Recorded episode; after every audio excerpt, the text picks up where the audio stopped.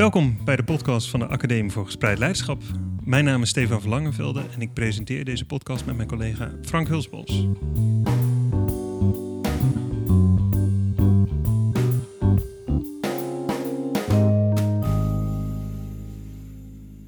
Frank, eh, sinds 2018, vier jaar geleden alweer, maken we deze podcast. Inmiddels 21 afleveringen. En ja, het leek ons eigenlijk wel een mooi eh, moment om ook eens wat terug te blikken. Hè? Inderdaad, dat gaan we vandaag doen. Uh, de eerste was overigens met de gast die vandaag ook uh, bij ons aanschuift. Ja. Jozef Kessels. Ja, in, um, in, in, op dezelfde plek ook als waar we de eerste aflevering hebben opgenomen. Maar eigenlijk hebben we natuurlijk in de afgelopen jaren... zijn we nog altijd heel nadrukkelijk met dit thema bezig. Gespreid leiderschap. En we hebben eigenlijk heel veel lessen getrokken. Ja, en ook heel veel interessante gesprekken gevoerd. Zowel met mensen die er meer vanuit een theoretisch perspectief over denken. Uh, als echt ook best wel veel mensen uit de praktijk. En een aantal scholen die gespreid leiderschap ook best wel ver gevorderd in de praktijk proberen te brengen. Dat, dat, dat was een jaar of vier, vijf geleden ook echt gewoon nog wel minder aan de hand. Mm -hmm. Denk bijvoorbeeld aan Laterna Magica, hè, een school waar we, die we hebben geportretteerd in een van de afleveringen. Maar ook de Maria School, waar we een hele reeks over hebben gemaakt. En toch echt wel scholen die best wel serieus, zou je kunnen zeggen, uh, gespreid leiderschap in hun school uh, ja, een plek proberen te geven. Ja. En dan ook tegen allerlei dingen aanlopen en daar dan weer iets mee moeten. Maar daar gaan we het vandaag vast ook uitgebreid ja, over Ja, dat is ook wel duidelijk al. Het is, het is niet iets wat, waar nu een eenduidig antwoord op te geven is van zo moet je gespreid leiderschap. Het roept ook weer nieuwe vragen op. Dus leuk om daar ja. dan nu vandaag uh, ja, verder in te duiken. En dat doen we graag met jou, Jozef. de eerste aflevering was jij was ook samen met jou. Uh, gespreid leiderschap is voor jou een belangrijk thema. En om een klein beetje te introduceren. Uh, je bent emeritus hoogleraar aan de Universiteit Twente en de Open Universiteit. En gedurende een carrière als wetenschapper en adviseur heb je je bezig gehouden met eigenlijk onderzoek naar de omstandigheden binnen organisaties die bevorderlijk zijn voor leren van mensen, het ontwikkelen van mensen. En in de latere jaren ook in het bijzonder in de onderwijscontext. En daar kwam je ook het thema van gespreid leiderschap werd voor jou steeds belangrijker. En wat is eigenlijk, waarom is gespreid leiderschap toen zo onder jouw aandacht gekomen? Um, ik vond natuurlijk, ben altijd bezig geweest met het zoeken naar mogelijkheden om het leren, ontwikkelen, groeien, die professionalisering, het versterken van vakbekwaamheid. Om, ik ben altijd nieuwsgierig geweest van wat heeft daar invloed op? Hè? Hoe kan je het uh, sterker maken? Hoe kan je het bevorderen? Hoe kan je het aantrekkelijker maken? Zeker voor mensen in het onderwijs. um, zijn altijd bezig met uh, lesgeven, opleiden van anderen.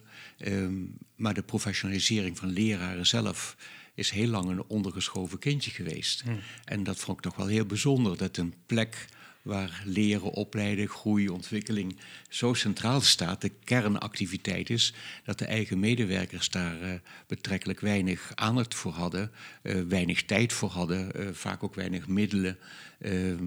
het was moeilijk te organiseren en je deed niemand een plezier mee door ze naar een cursus of een bijscholing te sturen. Hè. Um, dus dat viel me wel op, dat, dat, dat dat dat onderwijswereld uh, um, daarmee worstelde. Een beetje uh, paradoxaal ook. Hmm.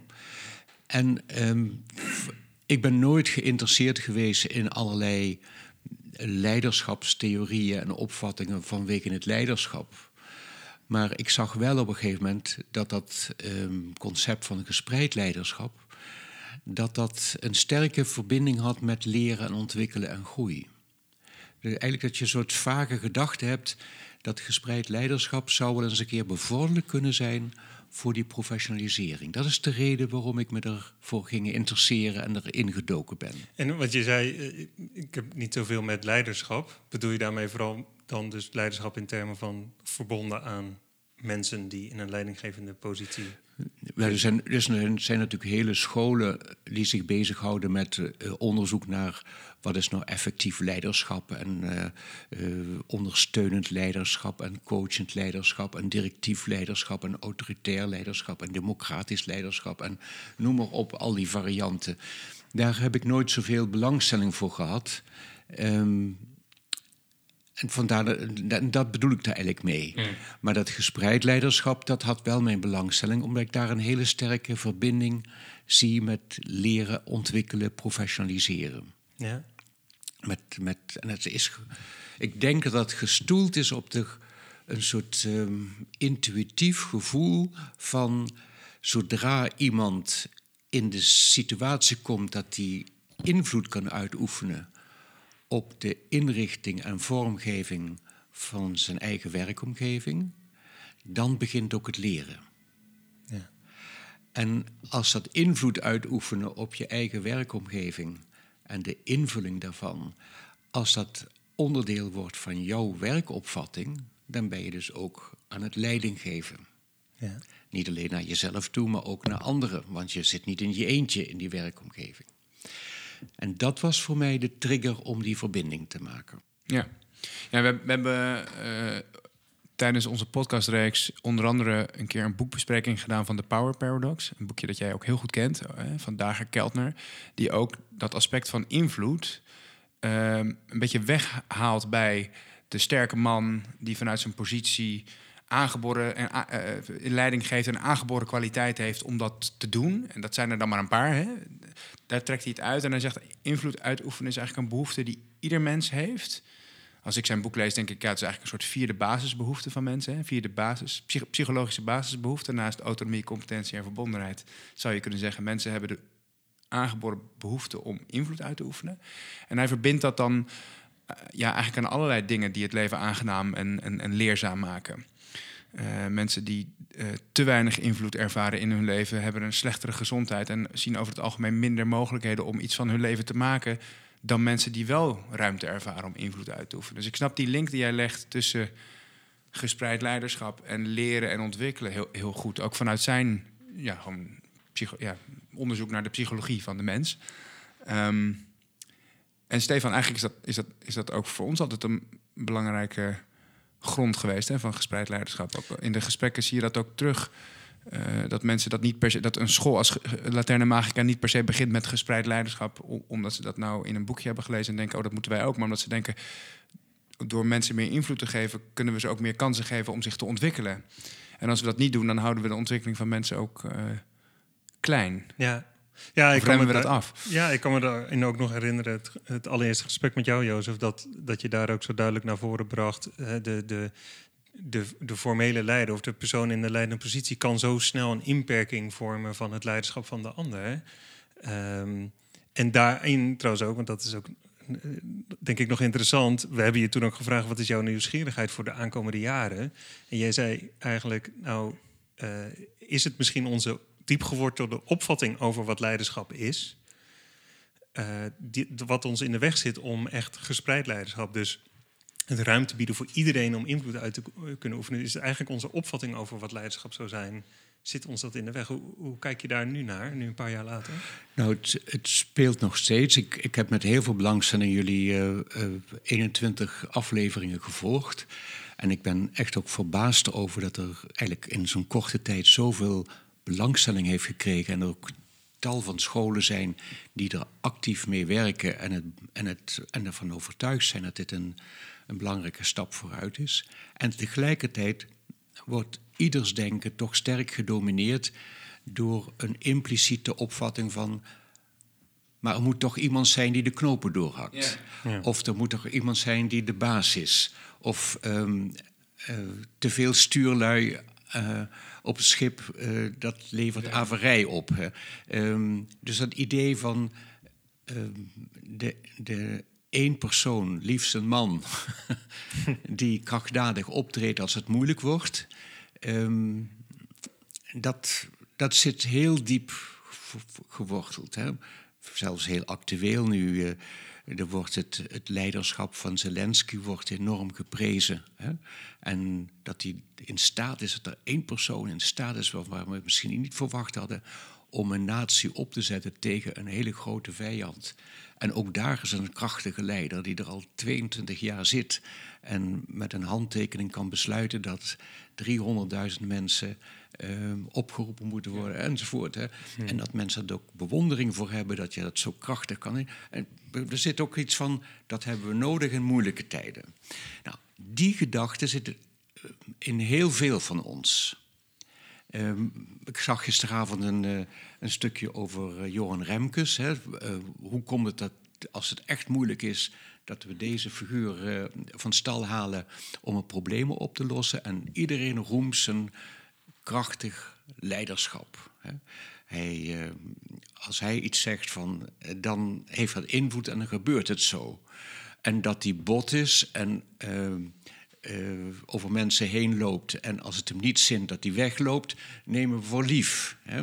Hmm. Um, ook al gaat dat tegen alle fatsoensnormen in. Maar omdat hier krachtig leiderschap in het spel is, uh, hebben we er zelfs waardering voor. Het zijn rare gedachten. Hè? Maar het houdt me wel bezig. Ja. En diezelfde gedachten kunnen dus ook blokkerend werken voor de positieve kanten van gespreid leiderschap. Want gespreid leiderschap gaat dus in kern ook om het vergroten van ieders individuele vrijheid. In samenhang met de vrijheid van anderen. Het komt voort uit een diep geworteld gevoel en behoefte aan emancipatie. Uh, datgene kunnen doen wat jij graag zou willen en waar je goed in bent. Ook ontdekken waar je goed in bent en hoe je dat beter kan maken. En dat je het kan doen in een omgeving, in een school, in een werkomgeving waarin dat gewaardeerd wordt en aangemoedigd wordt en dat er ruimte voor is. Dat is weldadig om daarin te participeren. Mhm. En zodra iemand dat van bovenaf of om formele reden inperkt, voel je dat als als een belemmering. Als het, uh, en voor veel mensen, als het te sterk is, gaan ze gewoon weg. Maar ook als ik je goed begrijp, want het is, enerzijds is de belemmering als iemand dat van bovenaf inperkt. Maar doordat je zegt een diep gewortelde opvatting, dat zit ook bij de professional zelf. En je zou kunnen zeggen, die houdt zichzelf dus ook klein door zijn eigen opvatting over. Maar uiteindelijk is er toch iemand nodig die hier de knoop uit door, de, de knoop doorhakt. Ik ik durf dat niet, want daar is een schoolleider voor. En het werkt heel geraffineerd. Er zijn mensen die, uh, die in een moeilijke situatie zeggen van... Uh, Jozef, uh, zeg maar wat we moeten doen, want jij bent de baas. Ja. En dan zegt Jozef, oké, dan gaan we dit doen en dan daarna dat en dat. En dan zegt zo'nzelfde persoon, ja, maar dat kan niet. Um, dus er zit dus tegelijkertijd ook verzet tegen. Ja. Dus van de ene kant de behoefte aan jij moet de knoop doorhakken. Hak je de knoop door, dan ben ik het er niet mee eens. Dus het is eigenlijk een doodlopende weg ook. En eh, dat geeft ook iets aan van... als je dus de bevoegdheid om de knoop door te hakken bij mij legt... zeg je tegelijkertijd, ik wil daar geen verantwoordelijkheid voor dragen. Op het moment dat jij daar geen verantwoordelijkheid voor, dragen, voor draagt... kun je er ook met mij over oneens zijn. En tegen protesteren. Nou, dat is niet het beeld wat ik voor ogen heb van een groep mensen die samen mooie dingen maken. En zeker niet in het onderwijs. Nou, en zoals je ook zegt, eh, het verbindt aan het leren en ontwikkelen. En daarmee eigenlijk ook aan, zo zou je het kunnen zeggen, het innovatieve vermogen of het vermogen van een school om zichzelf te blijven ontwikkelen en verbeteren.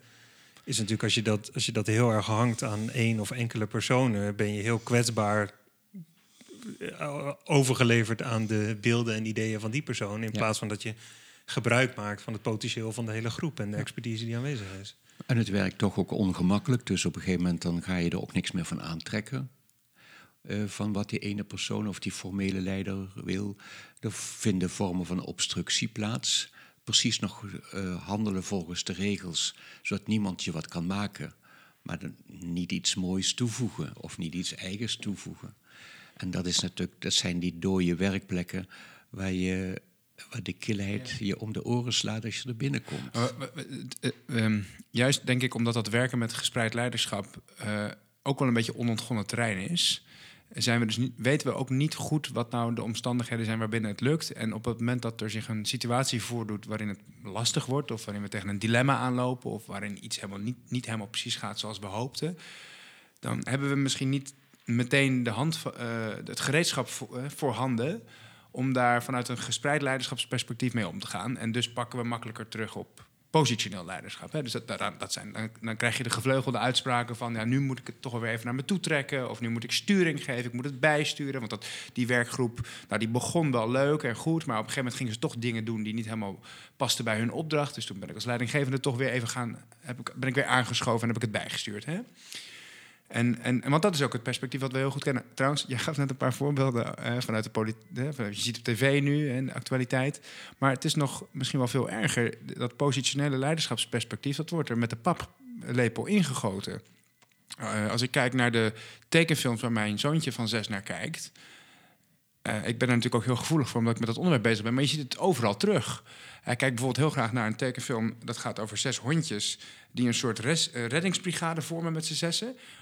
Nou, dan denk je leuk. En die hebben dan allemaal een eigen kleur en een eigen ding waar ze goed in zijn. Maar die worden wel constant centraal aangestuurd door een, een, jong, een soort jongetje. die eh, van, via zijn telefoon opdrachten geeft aan die hondjes. ja, ik, je, moet erom ja. lachen als ik het zeg, maar dat is precies hoe die, hoe die tekenfilm. wat het plot is van, het, van die tekenfilm. En, en die hondjes zijn dan ook altijd heel blij als ze zo'n opdracht krijgen. Zo van, eh, die zeggen dan heel braaf: ja, meneer, dat gaan we doen. En mijn zoontje zit dat keer op keer te kijken. En die krijgt keer op keer dus de boodschap mee. Het is onmogelijk om als een groepje professionals het werk zelf te organiseren. Je hebt altijd één centraal sturingsorgaan nodig wat de opdrachten uitzet. Nou, en dan, en dan kom je, eh, komt hij straks in een arbeidsorganisatie als hij twintig is. En dan. Je- Hè? Dus het is Ja. natuurlijk heel lastig om daar dan een beeld bij te vormen van hoe kan dat ook anders. Nou, dat doet, eh, doet trouwens ook denken aan de, de, de, op, eh, de podcast die we maakten met Aldo Houteman. Die eigenlijk dit, dit ook terugvoert tot in een kerngedachte in de filosofie. Hij heeft ook een, boek, een hoofdstuk geschreven in ons boek. Dus in dat, in dat opzicht ook een interessante aflevering om te luisteren. En het doet mij ook denken aan eh, de Maria School, waar wij natuurlijk net een reeks over gemaakt hebben. Eh, want wat jij eigenlijk denk ik benoemt is het belang zeg maar, van eh, het, het voorbeeld ook wat we onze kinderen geven en de manier waarop ze daarmee eigenlijk al opgevoed worden met een bepaald denkbeeld. Daar spraken we natuurlijk leerlingen. Maria School is een school waarin geen directeur is, maar een driemanschap die leidinggevende taken, maar waar eigenlijk iedereen in de schoolruimte heeft om invloed uit te oefenen. Ja, daar spraken we leerling. En die, die zei dat gewoon. Die zei, ja, in deze school is er geen directeur die besluiten neemt. Dat doen de meesters en juffen doen dat samen. Dus daar zie je denk ik heel erg krachtig dat belang zeg maar, van het voorbeeld dat we ze geven. Is ook het beeld wat ze Mhm. zelf mee gaan nemen wanneer ze een arbeidsorganisatie ingaan of enzovoort. Ja. En een reden waarom ik mij ook vier jaar geleden, toen we de eerste podcast maakten eh, over dit thema, ehm, waar ook zorgen over maakte, was ehm, dat die gedachte niet alleen bij de ander, maar ook bij mezelf, van dit, die sterke behoefte aan een positionele leider, dat die zo sterk zijn dat je we ook niet de bekwaamheden, niet de kans krijgen de bekwaamheden te ontwikkelen die nodig zijn voor het gespreid leiderschap. hè. Het gaat natuurlijk niet vanzelf. Zodra je eh, in een werkomgeving eh, werkt waar mensen samen verantwoordelijkheid nemen voor de richting, voor de invulling en ieder ruimte heeft om zijn eigen expertise of haar eigen bekwaamheid in te zetten en verder te ontwikkelen. ehm, dat, daarvoor heb je bekwaamheden nodig om het voor elkaar te krijgen. En niet bij het minst of geringste moeilijke situatie terug te vallen op het oude perspectief van en nu moet de, moet de directeur het oplossen. Ja. Ehm, of ja, je ziet het nu ook in de Nederlandse politiek. ehm, hoeveel mensen er kritiek hebben op het leiderschap van Rutte. Hè? Mhm. Waar was jij Ja. hè? toen het allemaal moeilijk was? Jij bent toch verantwoordelijk? Hè? Ja. Terwijl ehm, op al die deelproblemen zitten eh, hele slimme ambtenaren en ministers en noem maar op, die echt wel door de wol geverfd zijn, eh, die daar ook een opvatting over hebben, zijn er ook voor aangesteld en uitgekozen om dit aan te pakken. Maar als het echt moeilijk wordt, dan is het Rutte die, ehm, eh, die de knoop moet doorhakken. Ja, en dan dus ook een gevoel dat op het moment dat Rutte dan weg zou gaan, dan is het probleem opgelost. Eh, terwijl- dan, dan komt er een nieuwe en die doet het ook niet goed. En dan kan je ook weer ongelukkig over zijn. Maar dan even terug naar wat je net zei over die bekwaamheden, die je dus niet leert, even in mijn eigen woorden zeg ik het hoor, niet leert in de, be- de bekwaamheden die je nodig hebt om in zo'n gespreide praktijk te opereren. Ik, ik kan me herinneren dat je in het eerste gesprek bijvoorbeeld zei, nou, dat vraagt echt om hele specifieke interactieve bekwaamheden. Je moet een ander invloed kunnen gunnen, maar, en je moet hem ook graag volgen. Terwijl je tegelijkertijd ook in staat moet zijn om zelf een verhaal te hebben, een expertise te ontwikkelen, daar ook je op zelf op te laten zien en initiatief op durven te nemen. Overigens ook allemaal bekwaamheden waar ze bij de Maria School heel erg eh, mee bezig zijn. Hè, van hoe kunnen we onze collega's helpen zich dat te ontwikkelen. Ehm, ehm, oh ja, ik weet wat ik wilde zeggen.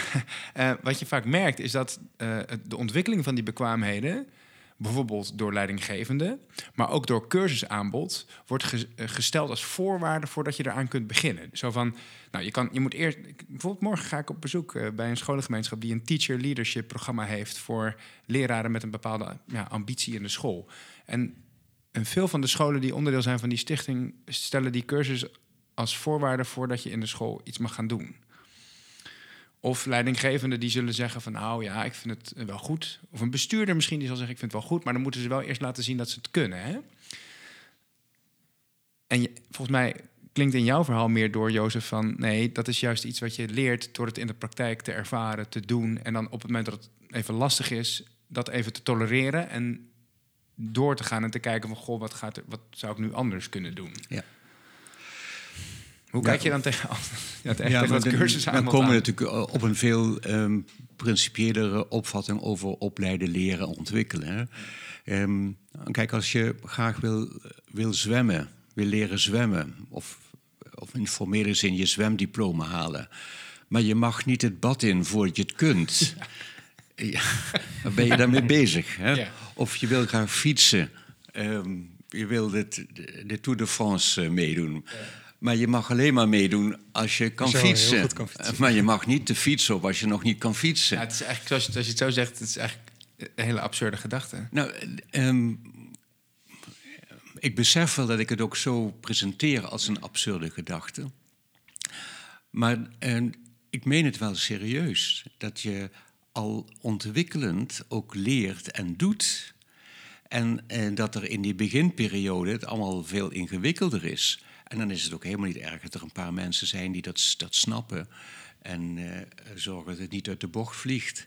Maar ook ondersteuning bieden in hoe het beter kan.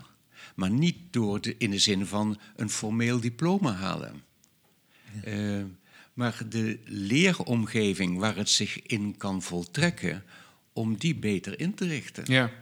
En ja. daar ook opvattingen over te hebben. Ja, ja, en daar ook, het, en daar ook dus nieuwe collega's bij te kunnen helpen om dat eh, proces, zich, dat proces te doorlopen. Ja. En is het um, ook wel het, het klassieke dilemma in ons vakgebied van uh, mag iemand het werk uitoefenen als die bevoegd is, of mag die doen als die bekwaam is? En uh, is iemand die bevoegd is, is die ook bekwaam?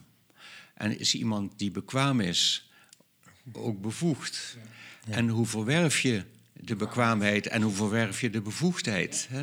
Ja. Uh, die vragen, daar, daar speelt het eigenlijk om. En daar zijn we in de praktijk best wel goed in om dat zo te organiseren dat nieuwe mensen een kans krijgen, opgenomen worden, uh, een maatje hebben uh, waarmee ze kunnen sparren, die ook als een soort scaffolding, als een soort steiger of vangrail uh, kan dienen. En naarmate iemands bekwaamheid zich verder ontwikkelt, uh, wordt de directe ondersteuning wordt minder. En de zelfstandigheid en de autonomie wordt groter. Uh, dat vinden we helemaal niet zo vreemd. En zo'n gedachte zou je ook rond gespreid leiderschap kunnen ontwikkelen. Ja, wat je, Stefan, wat je merkte bij de Mariaschool is dat, die on, dat die, deze ontwikkeling waar Jozef het nu over heeft, hè, die beginperiode van on, onwennigheid en, en ook wel een beetje een gevoel van uh, uh, ja, dat er geen grond onder je voeten is. Hè? Dat, dat merkte je. Heel veel nieuwe collega's gingen zo'n periode door in het begin bij de Maria School. Waarin ze dus niet de, nou ja, een, een, een, een opdracht kregen of een, een, duidelijk, een duidelijke dagindeling moesten volgen. Maar eigenlijk de vraag kregen van nou, wat zou jij graag willen bijdragen en wat kunnen we van jou leren? Wat wil je brengen bij deze school? Dat was voor best wel veel collega's een lastige situatie. En een van de lastige punten was ook dat ze een soort ontwikkeling moesten doormaken eigenlijk in hun kijk naar samenwerking en organiseren. Ja. Dat, ze op een gegeven moment, dat er op een gegeven moment een soort kwartje viel. Zo van, oh, oké, okay, als ik bijvoorbeeld trekker ben van een bepaald onderwerp... dan betekent dat niet per se dat ik, daarover, dat ik de baas ben over anderen... en dat ik alle verantwoordelijkheid op me, in mijn eentje moet dragen. Maar veel meer dat ik dat samen met anderen kan doen... en dat ik daarin het voortouw kan nemen... en dat dat ook heel aangenaam en leuk en leerzaam kan zijn. Hè? Dus dat, dat, dat, dat had ook een soort perspectiefwisseling bijna ja, nodig. dat is eigenlijk, eigenlijk een soort paradigma shift. En dat is eigenlijk een beetje wat jij zei, Jozef. De diep gewortelde overtuigingen. En ik, denk, ik denk waar we nu ook wel een beetje al mooi zo gaandeweg op komen... is eigenlijk... Waar, waar scholen lopen tegen allerlei dilemma's aan. En jij zei net ook heel mooi, Frank... van de, de, op het moment dat het moeilijk wordt... ja, dan hebben we eigenlijk nog een soort leidend perspectief. Het, het positionele leiderschap waar we dan snel op terugvallen. Dus het vraagt eigenlijk ook over wat, wat kun je nou wanneer zo'n dilemma zich voordoet of een moeilijkheid. Ja, hoe kun je daar meer een gespreid leiderschapsperspectief uh, opnemen? Dus misschien is het ook wel leuk om een, om een aantal van dat soort dilemma's, die, die we in de ja, afgelopen jaren eigenlijk verder naar boven zijn. We, Frank, toen wij het boek wat we hebben gemaakt uitbrachten, dat hebben we ook aan de hand van dilemma's of soort paradoxen gedaan. Ja. Om die eens naar boven te halen en dus daar nog eens wat verder op te reflecteren met elkaar, wat eigenlijk nieuwe dilemma's zijn die we naar voren zijn gekomen. Ja. Um, nou, we, we, hebben er vijf. Uh, en misschien fijn om eerst even die vijf snel te benoemen en ze daarna uh, uh, langs te lopen zeg maar, met elkaar en ons idee en perspectief daarop te geven. een eerste dilemma, Frank, welke, welke is, komt duidelijk nou, ja, het, het kan, het, Sommige dingen zullen al een beetje teruggekomen zijn ja. in ons gesprek tot nu toe, maar dat is helemaal niet erg. Nou ja, wat, wat je wel veel... Een vraag die wij ook wel veel krijgen en die ook wel doorklinkt in een aantal van de gesprekken... Um, is, is er nou eigenlijk een positionele leider nodig om gespreid leiderschap te forceren of mogelijk te maken? Of zit een positionele leider in essentie gespreid leiderschap uiteindelijk in de weg? Uh, de meeste positionele leiders zullen denk ik zeggen... Uh, ik maak het mogelijk, of ik, ik moet het faciliteren, of ik moet het... En tegelijkertijd, dat hoor je ook al in ons gesprek tot nu toe door... Uh, op het moment dat er een positionele leider is, zelfs als die het op een hele aangename en coachende en waarderende manier doet, dan, dan is dat natuurlijk ook altijd een uitweg om je aan een initiatief of aan verantwoordelijkheden te onttrekken. Dus dat, dat is wel een vraag die. Ja, dus het dilemma zit eigenlijk ook op: moet, moeten we gewoon alle schoolleiders afschaffen? en die rol opheffen? Of is het toch een, een, een, een, mooie waarde of functie van die rol om ook het gespreid leiderschap te stimuleren? Nou ja, we zouden er in het gesprek ook wel gewoon even, want zo is de realiteit natuurlijk ook, vanuit kunnen gaan dat, dat ze er zijn. Ja. Maar het is leuk om daar eens met elkaar over van gedachten te wisselen. Van ja. wat, wat, wat, hoe zit dat nou eigenlijk? Ja. Ja, en lopen ze eerst af trouwens? Ja, oh, we ja, lopen, nee, we, we, lopen ze even langs nog maar. En de tweede is dan, kun je het leiderschap van leraren stimuleren... door hen een formele positie of mandaat te geven? Of ontstaat het veel meer in de school? Emergent is nou een mooi woord. Dat is ook echt heel erg op basis van de, de podcast die we opnamen met Bob Stel... over teacher, teacher leadership. En jij haalde net het boekje The Power Paradox ook al aan... waar, dat ook wel duidelijk naar voren komt. Hè. Het is... Het is uh, als het een behoefte is van iedereen, is het, is het dan niet gewoon voldoende om er ruimte voor te geven voor iedereen om invloed uit te oefenen? Want dan ontstaat dus ook wel vanzelf het leiderschap. Of moet je toch kijken naar, kunnen we een soort formele erkenning geven op het moment dat jij dan een stapje naar voren zegt van oké, dan ben jij nu ook even. Nou, sterker nog, ik denk dat de meeste scholen eigenlijk teacher leadership opvatten als het geven van een formele ja. erkenning aan een leraar en dan ontstaat het initiatief. Ja, ja inderdaad. En nummer drie, Frank? Um, ja, ook iets wat wel impliciet doorklinkt in veel van de gesprekken. Um, heeft ook wel een beetje te maken met uh, ja, waartoe is er nou eigenlijk gespreid leiderschap? Um, zit een focus op prestaties en rendementen, een gespreide leiderschapspraktijk in de weg? Of is dat een onmiskenbaar onderdeel van werken in een organisatie en moeten we dus streven naar optimale prestaties? Is dat eigenlijk wat, waar we ook naartoe zouden moeten willen werken? Ja, dus het gaat, gaat het uiteindelijk om presteren of gaat het ook om ja. leren? Ja. Uh, de vierde is, uh, als je gaat werken op basis van gespreid leiderschap, moeten teamleden dan eerst de vaardigheden daarvoor geleerd hebben. Of leren zij die eigenlijk alleen maar door het te doen. Nou, dat is natuurlijk wat wij net al benoemden, ja, Jozef, mooi met het zwembad. Uh, uh, maar toch, we merken het ook uh, nu, ook in de podcastrace met de Maria School bijvoorbeeld. De bestuurders hebben daar gesproken en ja, die zeggen ook, ja, een team moet er ook aan toe zijn voordat we de directeursfunctie kunnen opheffen. Nou, daar zit duidelijk een perspectief op. Ja, je moet toch een bepaalde set aan vaardigheden al hebben voordat je het mag doen. Uh, ja, en, en want Jozef, zijn die dingen die Jozef net zei hè, over dat zwemmen en over het autorijden, of uh, ja, zwemmen in ieder geval. Dat, als je dat zo zegt, dan denk je, ja, natuurlijk moet je dat gewoon gaan doen. Maar tegelijkertijd, hoe vaak ik niet procesbegeleiders, trainers of schoolleiders spreek die zeggen: Nou, het mag pas als je in die en die ontwikkelfase zit als team. Dan mag ja. je er pas aan beginnen. Daar zijn ook hele modellen voor, zeg maar, die de ontwikkelfase ja. van een team duiden. Dus het, is eigenlijk, het is eigenlijk best wel gemeen goed, denk ik, Jozef, dat je dat dat je eigenlijk een, soort, een aantal voorwaarden stelt aan een groepje mensen voordat ze over mogen gaan tot zelfsturing of gespreid leiderschap. Ja. ja, maar als je het zo zegt, zit al iets heel raars in. Hè? Dan zit in van: ik geef jullie toestemming om over te gaan tot gespreid leiderschap. Dat vind ik een hele rare zin. Ehm, want de gedachte van gespreid leiderschap is dat wij samen iets willen. En ehm, we hebben waardering voor elkaars uh, bekwaamheid, expertise, ervaring. Ook, uh, ik bewonder jou daar, daarin. En als jij op dat punt uh, je iets onderneemt, wil ik daar heel graag bij zijn, ook graag als volger. En dat gaat mij makkelijker af dat als ik ook van jouw waardering krijg voor mijn bekwaamheid, dat ik me ook vrij voel om mijn gang te gaan en daar stappen in te zetten. En dat je, als dat in een, in een uh, werkverband, in een team gebeurt, dat is fantastisch. Maar zodra er iemand anders boven is die ons toestemming geeft om dit te doen, is het kapot. Ja. ja. Dus eh, daarom maak ik er bezwaar tegen, tegen de manier waarop je het formuleert. Hè? Of waarop je het. Uh, zodra een autoriteit zegt: nu mag je wel, want je bent nu goed genoeg. Daarmee is het eigenlijk al stuk gemaakt in de voor, aan, aan de voorkant. Mhm. Dus in die zin. Um, denk ik dat het, uh, en dat geeft ook wel iets aan over de problematische relatie tussen zowel de positionele, de formele leider en een team wat gespreid leiderschap wil doen. Het maakt zoveel uit. Uh, ik heb dat ook vaak meegemaakt in scholen, dat ik er met schoolleiders en met bestuurders over sprak. En echt hele verlichte mensen die zeggen van dit is werkelijk een stap waar we naartoe moeten. En ik zie dat dat veel met mensen doet. En de kwaliteit van het onderwijs gaat erdoor verbeterd, eh, wordt er sterker door. Omdat het een grotere betrokkenheid en verantwoordelijkheid van het team is. Um, schoolleiders en bestuurders die er zo in staan. En met die visie dit enthousiasmeren en uh, mogelijk maken, die hebben een strekt andere invloed dan een bestuurder op afstand die daar ziet dat een school een beetje aan het rommelen is en um, niet echt goed snapt wat er gebeurt. Um, en argwanend is, gaat dit wel goed of niet en wanneer moet ik ingrijpen? Een volkomen andere situatie. Mm -hmm.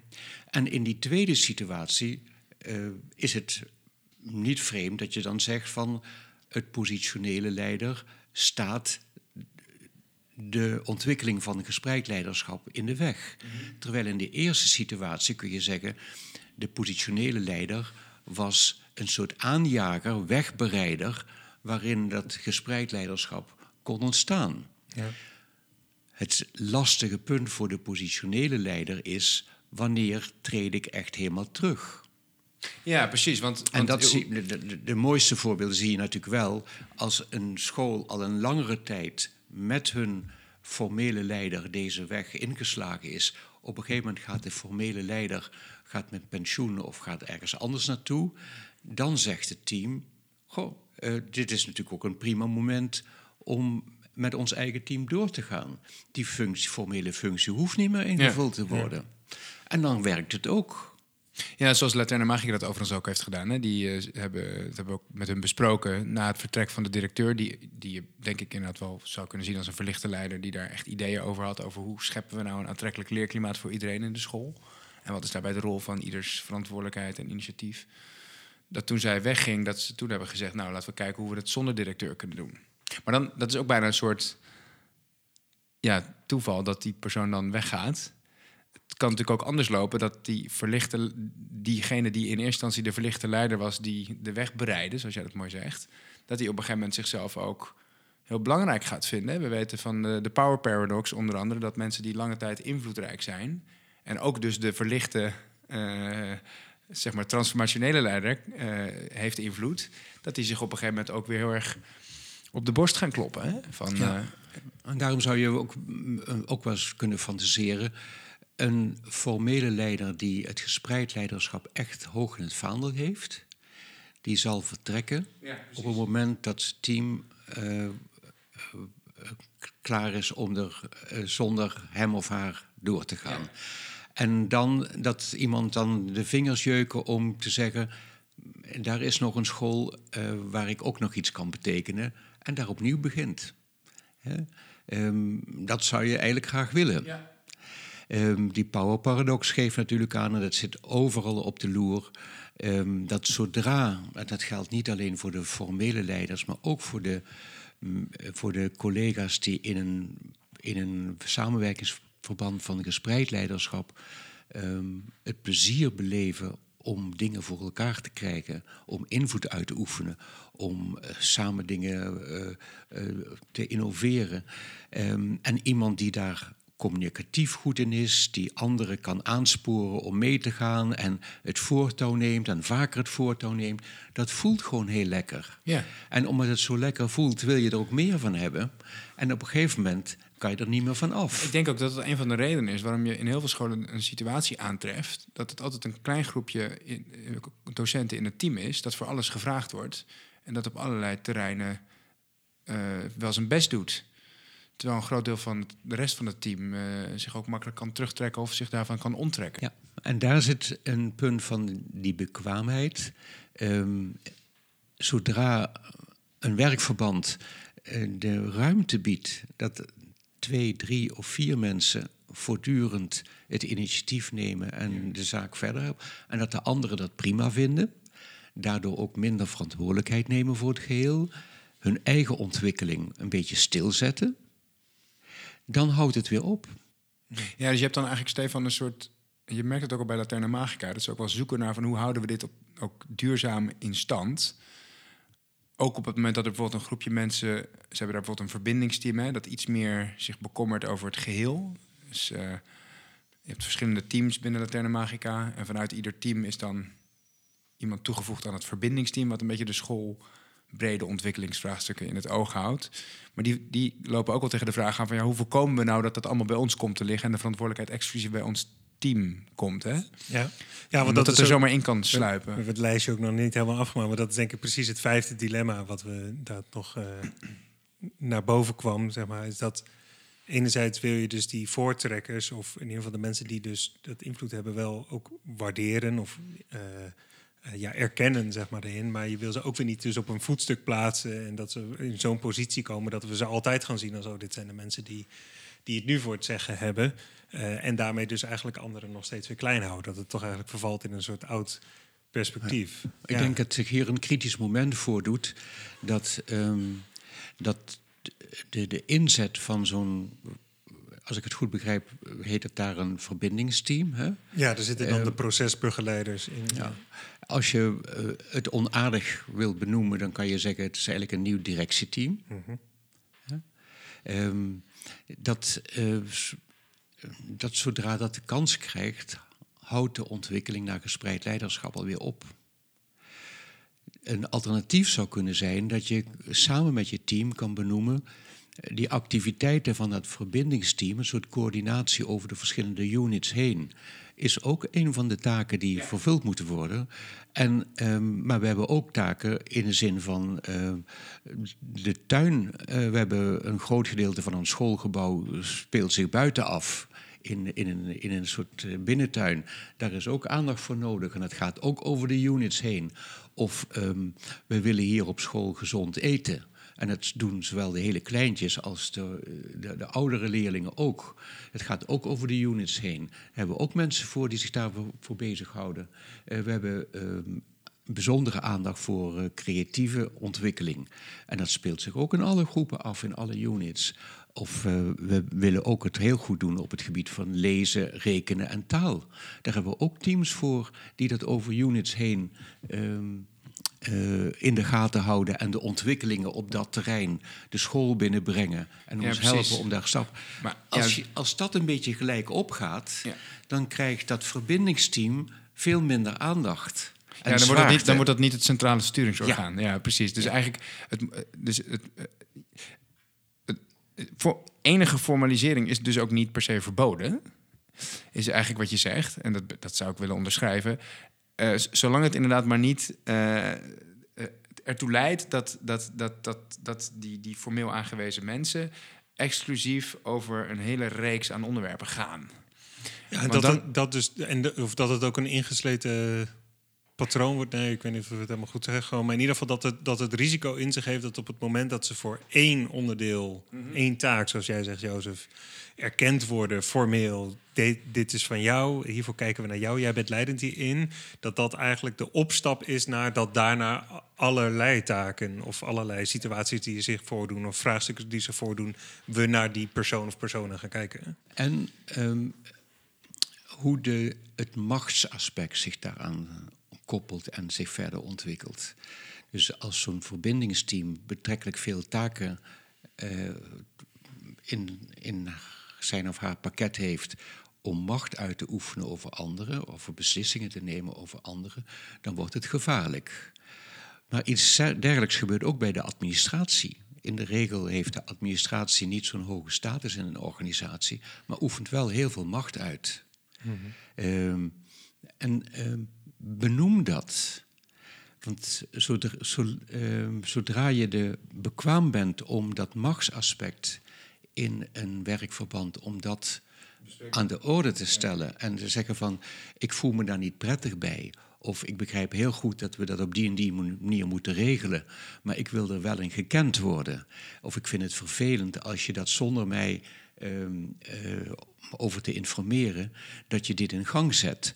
Of dat je, zonder het erover gehad hebben, dat je van mij allerlei dingen verwacht waar ik het, uh, wat ik helemaal niet zo plezierig vind. Dat gesprek uh, moet je ook kunnen voeren. En daar, is, uh, daar zijn vaardigheden voor nodig die heel zwak ontwikkeld zijn in de regel. Eigenlijk, wat je nu zegt, de dingen die we nu bespreken, eigenlijk, bijna als een soort voorwaarde of een soort uh, gezonde cultuur waarbinnen, waarbinnen gespreid leiderschap dus op termijn kan blijven bestaan. Die relateren in ieder geval aan het dilemma wat we bespraken van is er nou een positionele leider nodig om gespreid leiderschap te ontwikkelen? En hoe waardeer je voortrekkers die, uh, uh, ja, die invloed uitoefenen zonder ze de baas te maken, zeg maar. En ja. de, de, ruimte voor anderen klein te houden. Dus het, het, is in ieder geval, het is in eerste instantie van belang eigenlijk dat, dat, dat we ze waarderen, maar dat we het ook weer niet te ver verbijzonderen wat ze doen. Uh, en, dat er, en, en er moet dus naast hun uh, expertise, of het gebied waar zij op invloed uit, op, kunnen, op, invloed uitoefenen, wat we enigszins expliciteren, moeten er ook heel veel andere. Uh, moet er een rijk landschap zijn van andere initiatieven en mogelijkheden die je ook op je kunt nemen. Dus, nou, en dat is pas punt één. En het andere punt is, daar hoorden we trouwens, sorry Stefan, dat wilde ik nog zeggen. Een heel mooi voorbeeld van bij Laterne Magica is dat je die machtsfactor bespreekbaar kunt maken. En, als je en er was een prachtig voorbeeld bij Laterne Magica dat in een van de unit teams uh, bij de ochtendbespreking die ze altijd hebben voordat de les van start gaat. Bespreken ze bijvoorbeeld leerlingen, maar ook wat, wat is vandaag, wat, zijn, wat is een beetje het rooster van vandaag en hoe doen we het vandaag? Zijn er nog nou, dingen waar we een beslissing over moeten nemen? Was er steeds meer één persoon in dat team die, wiens, ja, die best wel stevig zijn mening uitte. En de rest werd steeds stiller. En dan werd er meestal gedaan wat hij voorstelde of wat zijn mening was. En dat, dat ontstond zo langzamerhand een beetje. En toen had dat team had dus de kracht en het zelfreinigend vermogen... dat op een gegeven moment iemand dat ter sprake bracht. Van, goh, uh, uh, ik merk dat dat gebeurt telkens. En ik, niet dat ik je expertise niet waardeer... maar ik merk dat we telkens jouw voorstel volgen. En is dat eigenlijk wel goed? En zijn er niet ook andere ideeën die, misschien, die mensen hebben... Die, die ze misschien niet zo snel daar uiten... maar die wel de moeite waard zouden kunnen zijn? Ik vond het echt een prachtig voorbeeld. Van. Mm -hmm. Dat heeft dan ook echt geleid tot een verandering in dat team, hè? Mm -hmm. En dat gebeurde op een hele respectvolle manier tegelijkertijd ook toe naar die persoon. Dus het was niet zo van, Johanna, toch eens je mond dicht. Ik heb last van je, maar het was veel meer van, ik ben blij met wat je zegt, maar ik zou ook willen kijken of er niet nog meer perspectieven zijn die nu eigenlijk te weinig ruimte krijgen. Dat is een bekwaamheid die volgens mij heel, daarin heel helpend heel zou kunnen cruciaal. Ja. De, en je ziet in deze, deze situatie die je nu beschrijft, dat het de kunst is om dat vrij snel te kunnen doen. Dus nee, je moet het niet te lang laten... Niet laten door dat, het, ja. dat, je er, dat je er al uh, ellendig onder voelt. Hè? Of dat de groep al helemaal stilgevallen is. Hè? Dus de kunst is om het snel te signaleren... en dan op een, op een lichte manier aan de orde te stellen. En het op een respectvolle manier te doen... Eh, zonder dat het, dat het kwetsend is... of zonder dat, het, uh, dat er ongenoegen uitspreekt... of uh, iemand uh, bestraft. Hè? En dat zijn, dat zijn natuurlijk bekwaamheden die, uh, die je niet makkelijk natuurlijk, op een natuurlijke manier leert. En die moet ook heel veel aandacht krijgen. En daarvan is dan dus in, in de reflecties die we nu doen rondom die dilemma's, in ieder geval ook dus de rol van de positioneel leider, is de vraag dus of je dat soort bekwaamheden kan ontwikkelen wanneer daar altijd een persoon is die de formele positie heeft, ook al uh, vervult hij dat op een hele vriendelijke manier, heb je, kun je toch altijd het gevoel houden van, ja, maar deze persoon die zal daar wel scherp op zijn. Of uh, die zal wel dan de correctie plegen naar deze persoon toe dat die te veel ruimte inneemt. En dus minder ruimte voelen in het voorbeeld wat je zei, Frank.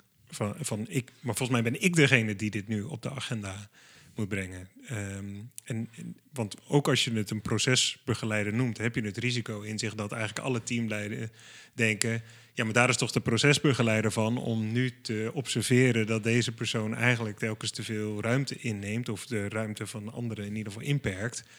Die moet het bespreekbaar. Oh, als die niet bespreekbaar maakt, oh, oké, dan zal ik het ook wel niet doen. Dat ja, dat is het risico van. Ze, ze, hebben procesbegeleiders bij uh, Latijn ja, ja, ja, maar dat is elke keer het risico wanneer je een positie formaliseert. Dat het, uh... het is trouwens ook een uh, belangrijk onderdeel van, het, van de teamgerichte arbeidsorganisatie van Ben van der Hilst. Hè? Die dat ook zegt: van je moet niet een baas, je moet niet een teamleider op, op die teams zetten, maar een procesbegeleider die zich ontfermt over de, de, samenwerking, de processen van samenwerking. En hoe, hoe ja.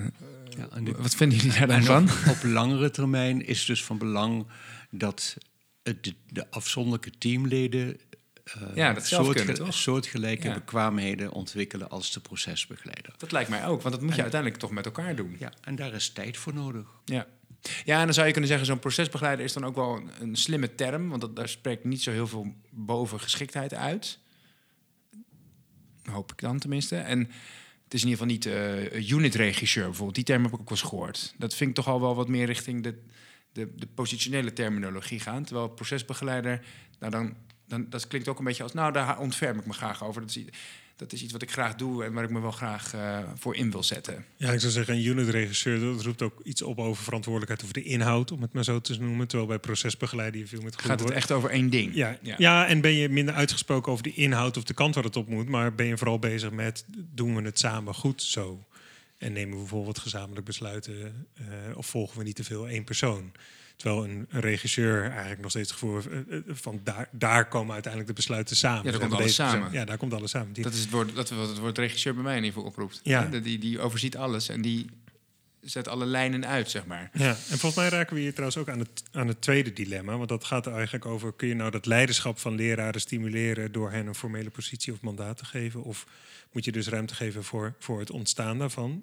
Um, want ja, uiteindelijk is het, het, is dus eigenlijk de hele tijd de zoektocht naar van je wil een soort erkenning van die persoon die dat stapje naar voren zet. Maar we benoemen net eigenlijk ook de hele tijd, er zit een soort risico in dat ja, die persoon dan de hele tijd daarop op leidend is. Dus, maar tegelijkertijd is het ook wel fijn, dat, dat gesprek met Bob Stel bijvoorbeeld roept hij ook wel de vraag op van het is ook prettig om op een gegeven moment ja, toch een soort mandaat te krijgen dat je weet, ik ben hier gewoon een tijdje van. Uh, ik krijg eigenlijk ook in tijd en ruimte eigenlijk een soort formele erkenning dat ik even uh, hierop leidend ben. Dus, ja, ja, maar zijn initiatief, want volgens mij, wat je bedoelt, je refereert volgens mij aan een initiatief dat hij nam om een heel nieuw vak te ontwikkelen. Mm um, ik ben de details even kwijt, maar hij heeft samen met een collega in ieder geval een heel nieuw vak ontwikkeld. Um, als alternatief voor het standaard ANW, wat de meeste scholen verzorgen. waar niemand eh, echt interesse in heeft. Docenten niet en leerlingen niet. En daar, wil, dat liepen zij tegenaan, dat ze met gedemotiveerde kinderen zaten. Met docenten die daar ook helemaal geen zin in hadden om het te geven. Dus uh, zonder opdracht of mandaat kwam bij hem en een collega het idee en de motivatie van... we moeten iets anders ontwikkelen.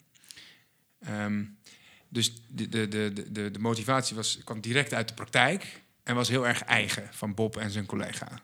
Ja. Dus dat, en dat ontstond in, in een context die daar blijkbaar bevorderlijk voor was. Ja, en, maar, en de, de, dus de vraag of de spanning die er dan is, dat het, dat het op een gegeven moment ook een soort voelt als van we, we kunnen zoveel doen, zeg maar, in onze vrije tijd tussen aanhalingstekens, omdat we daar een soort motivatie hmm. voor hebben om dit te ontwikkelen. Maar we hebben op een gegeven moment ook een soort faciliteiten nodig. En daar is dus een toch een vorm van formele erkenning nodig van gaat dit verder ontwikkelen. Terwijl je ook het risico, wat Bob zegt, uh, zei, is dat we daardoor doordat dat formeel erkend werd, in dit geval door de schoolleiding, maar je zou nog kunnen zeggen dat kun je ook op andere manieren nog doen, maar dat daardoor wel weer ook het risico ontstaat dat dan collega's denken: oh, maar jullie zijn toch bezig met zo, zo, zo, Willen jullie niet ook, volgens mij was dat in zijn voorbeeld, het profielwerkstuk, willen jullie dat er niet ook bij pakken? Uh, dus dat het is van, ja, jij hebt formele erkenning hiervoor gekregen. Jij hebt hier de tijd en ruimte voor gekregen. En dan eigenlijk nog meer op iemands potje. Ja, dus want Jozef, jij had het in het gesprek uh, wat we met jou, met jou voerden over... je moet het niet zien als een één op één ding... Uh, of een kwestie van ik geef jou een opdracht en dan doe je dat. Maar je moet de school zien als een ecologie. Als een, een, een samenspel van mensen die met elkaar interacteren... waar dingen in veranderen. En dat, dat, ja, even in mijn eigen woorden, dat bepaalt dan hoe mensen zich gedragen. Als je deze kwestie bekijkt vanuit een e ecologieperspectief, dan, dan doet zo'n formeel mandaat doet dus iets met, met die ecologie die daarvoor eigenlijk sterk gebaseerd was op nou, intrinsieke motivatie, eh, problemen die je in de praktijk tegenkomt en dan een initiatief wat daarbinnen opkomt. Dat wordt eigenlijk ook een beetje verstoord, toch? Door zo'n formele erkenning.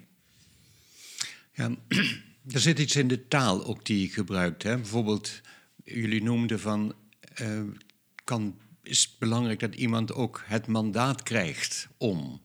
Van wie krijg je het mandaat? Dat is vaak van een hoger geplaatste. Mm. En daarmee introduceer je al een basis van hiërarchie. Um, in, in de Engelse taal wordt veel gesproken in deze context over granting authority. Dus het toekennen van autoriteit of uh, van gezag of van uh, de bevoegdheid om te handelen.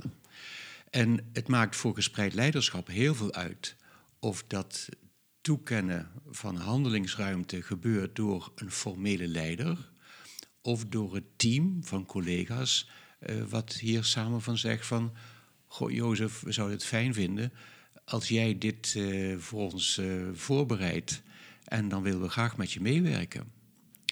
En het, dan is het veel minder problematisch. Ja. Het probleem zal, wordt van wel, als Jozef daar goed in is... dat hij vaker van dit soort vragen krijgt... en zelf ook een idee heeft van... Goh, um, ik word veel gevraagd, ik ben hier goed in... Dat is de power paradox. En ik vind het, ik vind het wel lekker. Hè? En die kans is groter als Frank en Stefan jarenlang niets hoeven te doen op dit terrein. Ja, zich eraan kunnen onttrekken. Elke keer weer uh, kunnen zeggen van... nou, fijn dat Jozef het voor ons doet. Dat doet hij echt geweldig. Ik vind ook dat hij daar wat extra's voor moet krijgen. Hè? Ja. En, um, maar omdat Stefan en Frank uh, dat niet doen ontstaat er een nieuw soort ongelijkheid. Dus het werkt ook alleen maar als elke collega op zijn of haar expertisegebied en belangstellingsgebied uh, een inzet doet voor het geheel wat verder gaat dan bijvoorbeeld in het onderwijs het lesgeven op jouw groep. Dit, dit is trouwens denk ik een heel terecht punt dat je hier inbrengt. En waar op de Maria School, op scholen als de Maria School en op Laterne Magica ook heel alert op zijn. Zo van, doe je eigenlijk wel mee? En, en daar, dus het, het, klinkt aan de ene kant natuurlijk heel aantrekkelijk en leerzaam, maar het is ook dus wel uh, het appel op iedereen om, om, om zichzelf te laten zien. Hè? Dus je kan je niet verschuilen. Maar um, als ik daar een discussie over heb met uh, mensen in het onderwijs, dan zeggen heel veel mensen, ik, nou, ik denk dat ik dat bijna altijd wel hoor, ja, maar sommige mensen vinden het ook gewoon fijn om les te geven en, en het daarbij te houden. En die willen zich helemaal niet bekommeren om de rest. Hoe, hoe zouden we die nou ja, toch dus- op een of andere manier kunnen verleiden zonder ze de, de, de, de, de opdracht te geven om, om toch daarin mee te gaan of daarin iets ik van waarde tegen, aan te ontlenen? Tegen zo'n collega zeggen van, ik zie dat je het hartstikke fijn vindt hier om op deze school te werken. Uh, we doen hele bijzondere dingen, we zijn er ook trots op. Um, en dat kan alleen maar als ieder van ons daar een bijdrage aan levert die verder gaat dan het primaire lesgeven. Het levert je zoveel plezier, vrijheid, voldoening op. En de prijs die je daarvoor betaalt, is dat je behalve je dagelijkse les geeft, wat je heel goed doet, ook een aantal andere taken voor het geheel op je neemt. Ja, en eigenlijk zeg je, je zegt nu dat het de prijs is die je ervoor betaalt, maar eigenlijk zeg je ook dat is daar zit de essentie in van jouw ontwikkeling en van wat wij als school samen willen zijn. Het is ons veel waard. Je beleeft er plezier aan. Uh, je vindt het een fantastische plek om te zijn. En dat kost iets. En het, de, de prijs die dat kost is dat ieder van ons een aantal taken uh, op zich neemt en voor het geheel ze inzet. Ja, ja en, als je het en, zo zegt, en dan kan je dus met het verhaal van... Uh, Jozef vindt het leuk om les te geven, dat doet hij heel goed. En laat hem dat maar doen. En verder moet je hem niet lastigvallen. Daar kan je dan niet meer wegkomen. Nee, maar waar, ik op. Ja, nee, ik, ben, ik snap je wat je zegt. Maar je noemt het nu de prijs die je betaalt. Maar volgens mij is het niet per se de prijs die je betaalt. Maar volgens mij zit de essentie van waarom dit een aantrekkelijke school is. erin dat je ook invloed uitoefent op terreinen buiten je klas. En dat iedereen dat doet. En dat iedereen dat doet, precies. Ja. ja, dus dat het. Ja, dat het dat maar je zou, kunnen, je zou dat zo tegen die collega die zo in zijn klas zich opsluit kunnen zeggen op die manier. Zo. Ja. En, en de prijs die je ervoor betaalt, eh, dat, dat kan ongunstig klinken. Hè? Maar je kan ook zeggen. Uh, de, datgene wat je plezierig vindt en waar je trots op bent en waar je enthousiast voor bent en wat, waar, waardoor je elke dag graag komt dat kost iets. En eh, dat kost ook iets van mij. Eh, namelijk dat ik meer doe dan alleen mijn lessen geef. Ja, want, ja, want ik, als je het zo omschrijft, voelt het een beetje alsof je iemand uh, vraagt gewoon zo'n corvée-taken te doen. Maar van, er zijn nou eenmaal taken die gedaan moeten worden voor het collectief. En die moet je maar gewoon doen. Ja, de, de uitdaging is natuurlijk ook om de, om de aantrekkelijkheid daarvan zichtbaar te maken. Of anders gezegd, de aantrekkelijkheid van je moet ook dat doen wat voor het collectief of voor de organisatie belangrijk is. De relatie te leggen met waarom dat dus voor jouw primaire werk cruciaal is. Ja. Jij kan toch niet in jouw eentje lesgeven. Je, je, kan niet jouw klaslokaal uit dit gebouw trekken, ergens neerzetten en daar met die ene. Je moet erkennen dat er een collectief is en dat jij dus altijd onderdeel bent van het collectief. Dat is, ja, dat is meer dan corvée. Kijk, en de klassieke vorm is, dan hebben we dus een schoolleider. Ja, die moet hij aanspreken. Die wordt daarvoor betaald. Die krijgt daar een kamer voor en die krijgt administratieve ondersteuning. En eh, die regelt dat voor ons. Dat is, dat is de klassieke manier om het te organiseren. En de prijs die je dan betaalt is dat je een hoop vrijheid en zijn autonomie inlevert. En ook plezier. En opdrachten moet uitvoeren als die persoon jou die geeft. Je moet ook naar hem luisteren. Hij is boven geschikt aan je. Dus moet je, wat doen wat dus zegt. vrijheid en autonomie op. Ja, ja. En je ontwikkeling als professional staat stil. Ja, dus de keuze is eigenlijk van kies je voor een inperking van je autonomie en je beslissingsruimte. Of kies je ervoor om je meer in te zetten voor de school. Ja. Buiten je les. Ja, er komt een moment denk ik, dat is misschien nu nog te vroeg voor, maar in het context van gespreid leiderschap, uh, dat dat geen keuze meer is. Ja.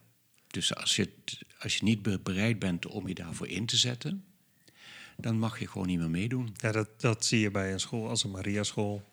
Zie je dat heel sterk terug. Daar, daar zit zo'n sterk appel op, laat jezelf zien. Richting de groep. Je kunt jezelf niet verschuilen in je, in je klas. En ook in voorbeelden die we natuurlijk ook al voor ons boek toen hebben opgehaald uh, in het Vathorst uh, College. Waar ze met een, met een team van docenten met een groep leerlingen zitten van 80 leerlingen of zo. Dus eigenlijk zagen we dat doordat er samenwerking in het primair proces zit, verscholen, kun jij niet als docentje terugtrekken met jouw klas, want je, je bent nooit in je eentje. Maar waar ik dan wel nieuwsgierig naar ben, is: oké, het moet daar een, een, een gespreide leiderschapspraktijk in een school werkt alleen op het moment dat dit mechanisme er is. Hè. Dus mensen moeten zich een beetje ongemakkelijk gaan voelen op het moment dat ze zich te veel terugtrekken. Er moet een soort duidelijk appel komen vanuit de collega's dat je hier niet kunt zitten en je kunt opsluiten in je klas. Ehm, en wat, wat, ik echt dan interessant vind, en we hebben er al een beetje zicht op kunnen krijgen door bijvoorbeeld de reeks met de Maria School, maar ik ben er nog, daar heb ik echt nog wel meer vragen over van hoe kunnen we dan die nieuwe collega's, die zich dat nog niet helemaal eigen hebben gemaakt, goed helpen uh, en erbij houden en ook wat ruimte geven om zich dat soort bekwaamheden om in die praktijk te participeren te, uh, eigen te maken. Dat vind ik echt een interessante vraag. En wat zijn dan precies die bekwaamheden? We hebben daar ook wel, natuurlijk al wel wat woorden aan gegeven, maar Kijk, voor het onderwijs speelt hier nog een bijzonder punt. Ehm, als je alleen maar bezig bent met onderwijs, dan valt het je niet zo op. Maar het idee dat je in het onderwijs kunt zeggen: ik geef mijn lessen, ik ben hartstikke goed bezig met mijn groep, ehm, ik haal goede resultaten En daarom ben ik een goede docent. Laat me met rust. Ja, nou, dat zijn er heel veel die dat zo kunnen zeggen. Er zijn er heel veel die dat zo kunnen zeggen. Maar En het wordt vaak nog er is praktisch geen enkele beroepsgroep die het zich kan permitteren om zo naar je eigen werk te kijken.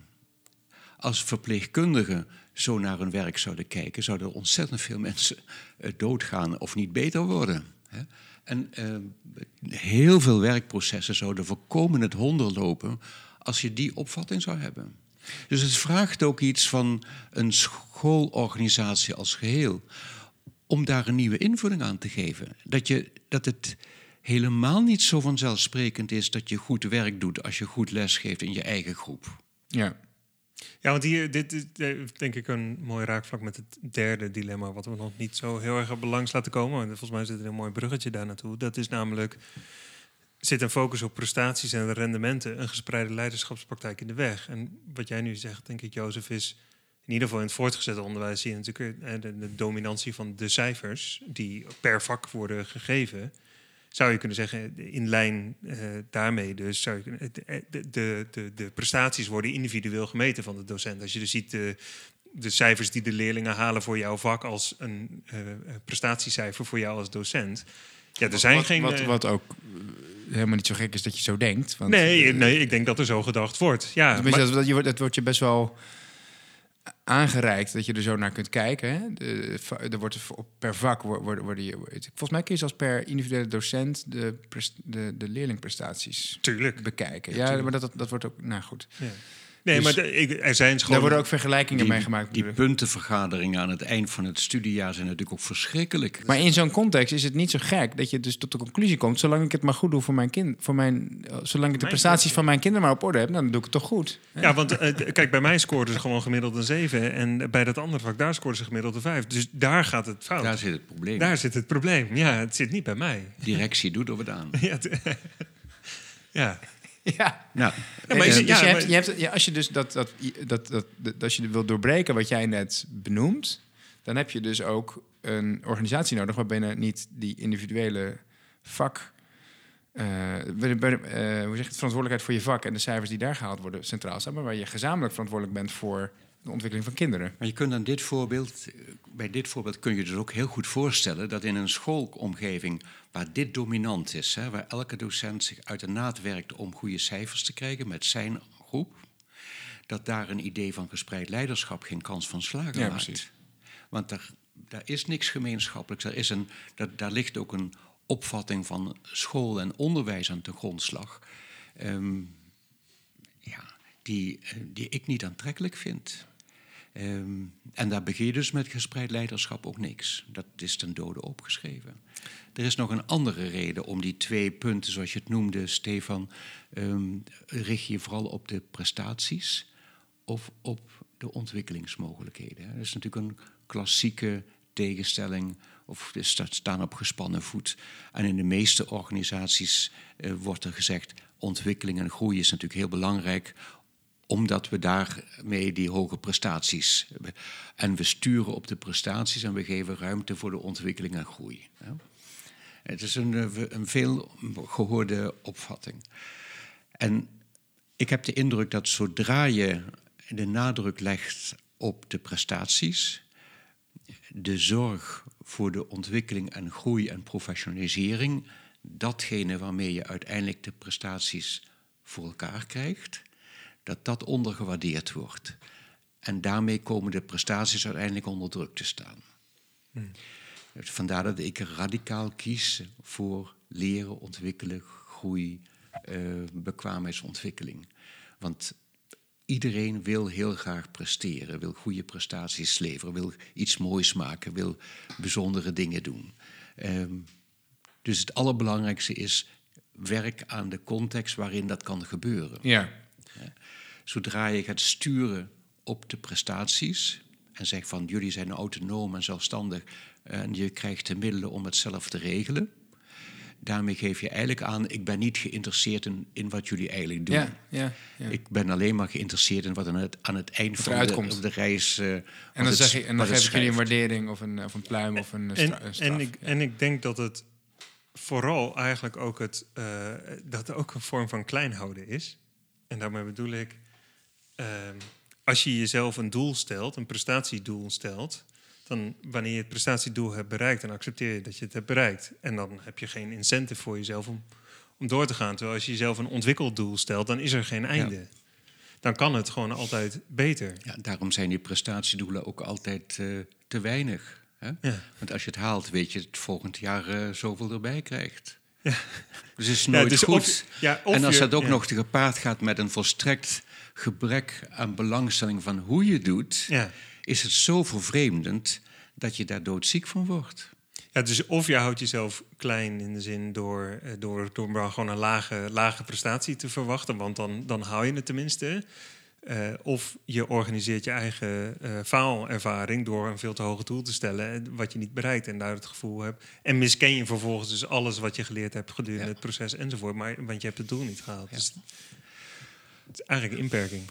En het punt wat ik noemde, degene die dan formeel uh, de baas is, bemoeit zich niet met hoe ik aan het ploeteren ben. Ja. Dus daar, daar vindt ook een soort uh, vervreemding, eenzaamheid plaats. En dat is de dood in de pot voor mooie dingen doen, zeker in het onderwijs. Um, ik ken het vanuit het wetenschappelijke eh, wereld. Dat je één keer per jaar bij de decaan op bezoek moet komen met je publicaties. en dan worden de pagina's en het gewicht van de pagina's uh, met elkaar vermenigvuldigd. En het uitkomst wordt opgeteld en dan krijg je zoveel punten. En dan heb je het goed gedaan of minder goed gedaan.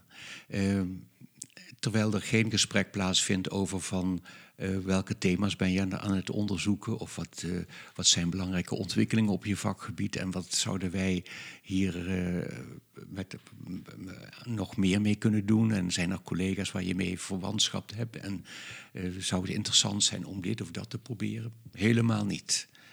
Nou, dat, dat zorgt er natuurlijk voor dat je een hele eenzame plek krijgt en dat je bondgenoten zoekt op de inhoud uh, elders. Ja. maar als maar werkverband is natuurlijk de treurigheid ten top. Ja, dit is natuurlijk het equivalent zeg maar, van, de, van de rapportvergaderingen, zou je bijna kunnen zeggen. Uh, maar, dus we raken nu eigenlijk ook een beetje aan de, de context waarbinnen dit soort organisaties opereren. Hè? De wetenschappelijke de universiteit die opereert in een, in een enorme uh, in een omgeving die een enorme druk uitoefent om die publicaties op te krikken middelbare scholen opereren in een omgeving waarin heel veel druk wordt uitgeoefend om boven het land, minimaal op, maar liever boven het landelijk gemiddelde te presteren. Nou ja, als je een landelijk gemiddelde hebt, dan zitten er altijd mensen onder en altijd mensen boven. Dus dat, is een, dat, is een, dat, dat wordt een red race als je niet uitkijkt. Hè? De helft faalt altijd. Ja, er is altijd, er zijn altijd, er is altijd een groot deel wat het niet, wat, wat het niet goed genoeg doet.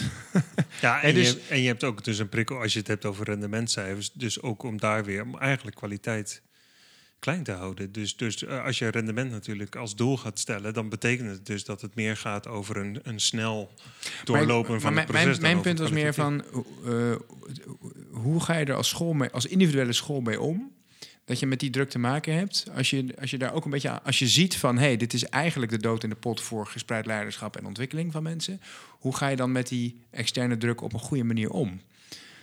Want die is er wel, hè? Uh, zolang je in een bekostigde school bent. Ja. Nou, in de beginfase is het dan belangrijk dat je een positioneel leider hebt die, die die druk een beetje buiten de deur houdt. En zich binnen de school vooral uh, bekommert over wat zou een, een interessant professionaliseringsklimaat zijn waarin uh, onze collega's uh, mooie dingen met onze studenten, leerlingen kunnen doen. En dus, dus, naar de eigen medewerkers toe vooral het ontwikkelingsperspectief ondersteunen. Dat zou wel helpen. Ehm, het, het sturen op die prestaties, daar merk je aan mij dat ik dat haaks vind staan op het bevorderen van gespreid leiderschap. Maar ik kan me wel voorstellen dat een team zegt. Um, we hebben eens gekeken naar, de, naar, de, naar onze resultaten op het gebied van uh, van, van rekenen. En, uh, of van, of van de ander, ja. vertalen zijn klassieke voorbeelden, vooral taal. Hè. Um, en dat ziet, als we ons vergelijken met andere scholen, in vergelijkbare buurten, ehm, dan doen we het helemaal niet zo goed. Ja. En waar zien we mogelijkheden om dat anders aan te pakken? Heb je daar ideeën over? Wie zou daar uh, iets in willen voorbereiden? Uh, bij wie kunnen we informatie halen waar het wel goed gaat? Ja, precies. En zoals je ze nu formuleert te vragen, dan, zijn, dan is het eigenlijk ook een, een, startpunt om samen te ontwikkelen. Ja, om te leren. En prestatie gebruiken om te leren. En als je dat binnen een team voor elkaar krijgt, om die vragen een kans te geven, dan is die prestatieverbetering krijgt ineens de vorm van ja, ontwikkeling. Ja. En dat geeft plezier. Ja. Ja, en dan ben je ook trots op het moment dat je die prestatie op een gegeven moment verbeterd hebt. Hè? En, en, en dan kun je het ook samen vieren. En dan, en dan ben je ook trots op het feit dat je snapt waarom het werkt. Ja. En dat je er beter in geworden bent. En wat er nodig is om het verder te verfijnen. En van daaruit kun je ook collega's helpen die met op een eigen werkgebied met soortgelijke vraagstukken zitten. Ja, zo zou je dus toch ook in een context van uh, nou, toch wel sterke prestatiedruk een ontwikkelperspectief kunnen inbrengen. Wat uh, nou, bevorderlijk is voor samenwerking, gespreid leiderschap, motivatie voor het werk. En uh, bijdraagt aan een betere prestatie. En aan de buitenkant lijkt het dan dat het resultaat is betere prestaties. Maar dat team zal waarschijnlijk trots zijn op het feit dat ze deze stappen gezet hebben en daar goed in geworden zijn. Ja. En dat is ook een bekwaamheid die ze nooit meer kwijtraken. Precies. He, die, die gaat door. Die wil, en daar zou je veel meer op kunnen, op kunnen focussen. Dat is wel een mooi advies, denk ik, Stefan, aan uh, schoolleiders die uh, ingevlogen worden, tussen aanhalingstekens, in een school die slecht presteert. En die dan altijd heel erg de neiging hebben om heel erg sterk in te zetten op die prestaties moeten omhoog. En dan pas gaan we het, eh, het over andere dingen hebben. Dat je eigenlijk zo'n situatie aangrijpt als een moment om weer stil te staan bij je gezamenlijke ontwikkeling. Om tot een betere prestatie te komen. In plaats van puur te kijken naar die prestaties zelf. Ja, nou ja, en ook, en ook voor de scholen waar de prestaties op orde zijn. Ja. Hè? Want dat, ja, daar, daar sluipt natuurlijk eenzelfde soort gedachte in. Of als je dan jezelf vergelijkt van, uh, nou, met een 7,0 scoren wij hoger dan het landelijk gemiddelde van 6,5. En dan in één keer denken, we doen het dus prima. Wat dus interessant is, want waar is dan je prikkel of jouw eigen drive om het gewoon beter te doen, los van de vergelijking met anderen? Maar we kennen natuurlijk ook wel voorbeelden van uh, een zeer zwakke school. Um, de schoolleider wordt vervangen.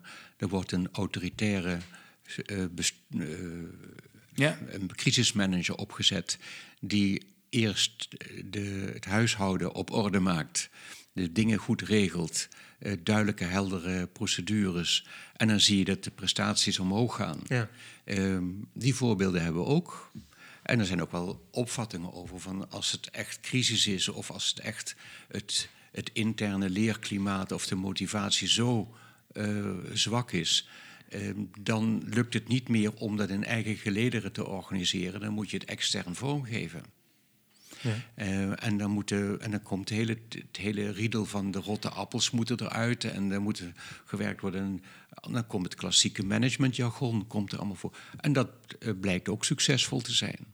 Nou, en dat is, want ik denk dat we ook naar een afronding moeten gaan. We zijn al meer dan een uur bezig. Maar misschien ook wel een van de lessen van deze aflevering nu ook dat we ja, eigenlijk best wel veel ook hebben gehad over gewoon dat risico. Dat op het moment dat je een bepaalde vorm kiest voor zo'n vraagstuk, in het voorbeeld wat je nu geeft van een zwakke school, dat je dat, en eh, die ene persoon die dat dan even uit het slop trekt, dan weer zo snel als leidend gaat nemen voor hoe het altijd moet gaan. En of dat die persoon dat dan in altijd in alle gevallen in alle situaties moet zijn. Dus dat is natuurlijk eigenlijk de kerngedachte van gespreid leiderschap. Het moet dynamisch zijn. Jij zei net even, Jozef, uh, als een team zo'n gezamenlijk ontwikkelproces doorloopt... Sorry Stefan, dit is het laatste hm. wat ik nog wil zeggen. Uh, en tot een betere prestatie komt... die bekwaamheden die ze in dat ontwikkelproces hebben opgedaan... die raken ze niet meer kwijt. En dat is volgens mij het belangrijke verschil met de situatie... die ook tot een betere prestatie kan leiden... De situatie van de autoritaire leider die het overneemt en de procedures uitzet en dat dan de prestaties verbeteren, dan heeft het team minder kans gehad om zich duurzame bekwaamheden eigen te maken. Dat is het belangrijke verschil dan tussen die, die, beide situaties die we schetsen. En je ziet dan dat bijvoorbeeld in zo'n zeer zwakke school met een tijdelijke crisis, crisismanager, dat daar bij de volgende inspectie het een uh, goed is. Beter is, ja. Nou, de crisismanager gaat weg, maar de school heeft weinig geleerd en zakt weer terug. Ja. Maar daar waar ehm, het gelukt is om nieuwe bekwaamheden te ontwikkelen op teamniveau, dat is een duurzame investering. En die blijft en die kan dus ook doorgaan zonder een crisismanager. Ja. En dat is ook voor mij dus de reden waarom ik me zo... Dat was jullie beginvraag, zeker van jou, Stefan... waarom ik me zo druk maakte over het gespreid leiderschap. Ik heb eigenlijk weinig met leiderschap. Ehm, ik heb er dus heel veel mee, merk je. Maar ehm, dat vermogen om invloed uit te oefenen... en eh, vorm te geven aan je eigen werkomgeving... en de inhoud van, het werk, van je werkomgeving... dat dat een voorwaarde is voor leren, ontwikkelen, groei. En dat dat, dat aan de basis ligt voor eh, kwaliteitsverbetering, plezier... eh, mooiere dingen maken enzovoort. En dat gespreid leiderschap, dat doet een appel op die, op die dynamiek. En daarom ben ik daar geïnteresseerd in. Ja. Vandaar dat ik ook heel alert ben en haast eh, ehm, allergisch voor de taal die eh, van bijvoorbeeld van krachtige managers die zeggen van en hier gaan we gespreid leiderschap opzetten om de prestaties omhoog te. Ja. Dan denk ik, je snapt niet wat je zegt. Hè? Van we gaan hier gespreid leiderschap opzetten. Eh, want dat, is- dat schijnt het zo goed te doen. Hè? Of ik ga autonomie promoten. Ehm, hoe raar kan je het, kan je het formuleren? Ja, dan heb je het concept ja, ja. eigenlijk niet begrepen. Ja. En wat zijn dan voor jou nog vragen die dan nu voor de aankomende jaren tijd? Nou, voorleggen? het, ehm, ehm, ik vind het dus heel spannend om te, eh, ook in het dilemma wat jullie schetsen van heb je een formele leider nodig om gespreid leiderschap in gang te zetten, waar ongeveer dat kantelpunt is waarbij het niet meer nodig is. Ja? En ehm, de tweede vraag die mij, en dat komt voort ook uit die ideeën van die, eh, van die power paradox. Eh, hoe kan je een team en individuele teamleden die succesvol zijn, beschermen tegen het al te lekker vinden van invloed uit te oefenen? Want dan werkt het verslavend en dan corrumpeert het op de duur. Ja. Hè, En dan werkt het weer in, je- in, eh, eh, in je nadeel. Ja. En voor jou, Frank? Wat zijn we van jou? Ja, ehm, eh, dit, dit vind ik ook een hele interessante vraag. en eh, ik zei net ook al dat, dat, eh, dat is misschien een beetje een voortbouwing op de tweede vraag van Jozef.